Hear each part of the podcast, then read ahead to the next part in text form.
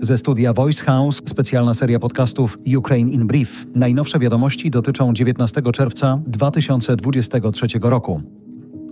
NATO nie zaprosi Ukrainy do sojuszu podczas szczytu w Wilnie. Takie informacje przekazał sekretarz generalny sojuszu. Przywódcy państw NATO będą rozmawiać o tym, jak zbliżyć Ukrainę do sojuszu, na razie jednak bez formalnego zaproszenia.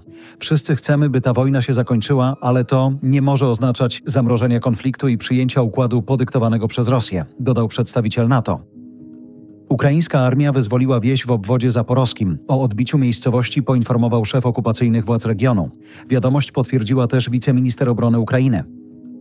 Pozycja po pozycji, krok po kroku posuwamy się naprzód, mówi prezydent Zełęński. Według Amerykańskiego Instytutu Studiów nad Wojną ukraińskie wojska mogą na jakiś czas wstrzymać działania ofensywne, żeby skupić się na dalszej taktyce.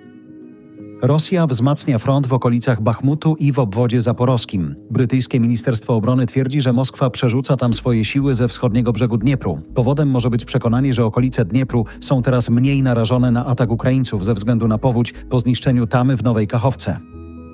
Prezydent Zełęński rozmawiał z brytyjskim premierem. Chodziło m.in. o zapotrzebowanie na broń dalekiego zasięgu. Wielka Brytania wprowadziła też nowe przepisy dotyczące sankcji wobec Rosji. Od teraz możliwe będzie utrzymanie wprowadzonych sankcji do momentu, aż Moskwa nie wypłaci Ukrainie odszkodowania.